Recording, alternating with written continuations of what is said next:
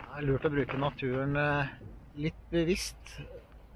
Det har eh, sjamaner og naturmennesker gjort i alle tider. Det å gå ut i naturen med en intensjon. Finne roen, kanskje sette seg ned ved et tre, meditere, gå barbeint når det er sommer. Da er det også mye Det er akkurat som man får en bedre forbindelse når man er i naturen. Man får mer kontakt med guidene sine og, og naturlige verden. Å finne svar, kanskje hjelpe til å finne en indre ro, gi slipp på stress. Kanskje få litt hjelp til å gi slipp ting man ikke har lyst til å gå og bære på og sånne ting. Og ofte så er det også litt lurt å bruke disse rytmene, da. At man bruker f.eks. fullmånen for eksempel, hvis man ønsker å gi slipp på noe man ikke trenger. At man bruker nymåne hvis man ønsker å starte nye prosjekter.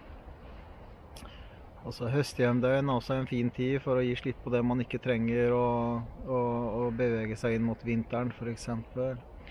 Vinteren er vintersolverv er også en veldig fin tid. Altså Tida før vintersolverv så er det en fin tid for å reflektere over året, som har gått.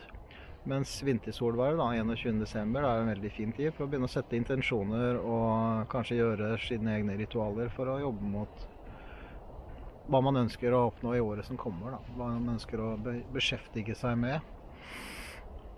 Noen vil kanskje si at øh, jo, jo, men det, det, gjør jeg jo. Jeg går jo tur i skogen og, og får veldig ro av det. Men det er jo ikke noe spirituelt eller åndelig over det. Det er jo bare noe man gjør. Hva vil du si til, si til det?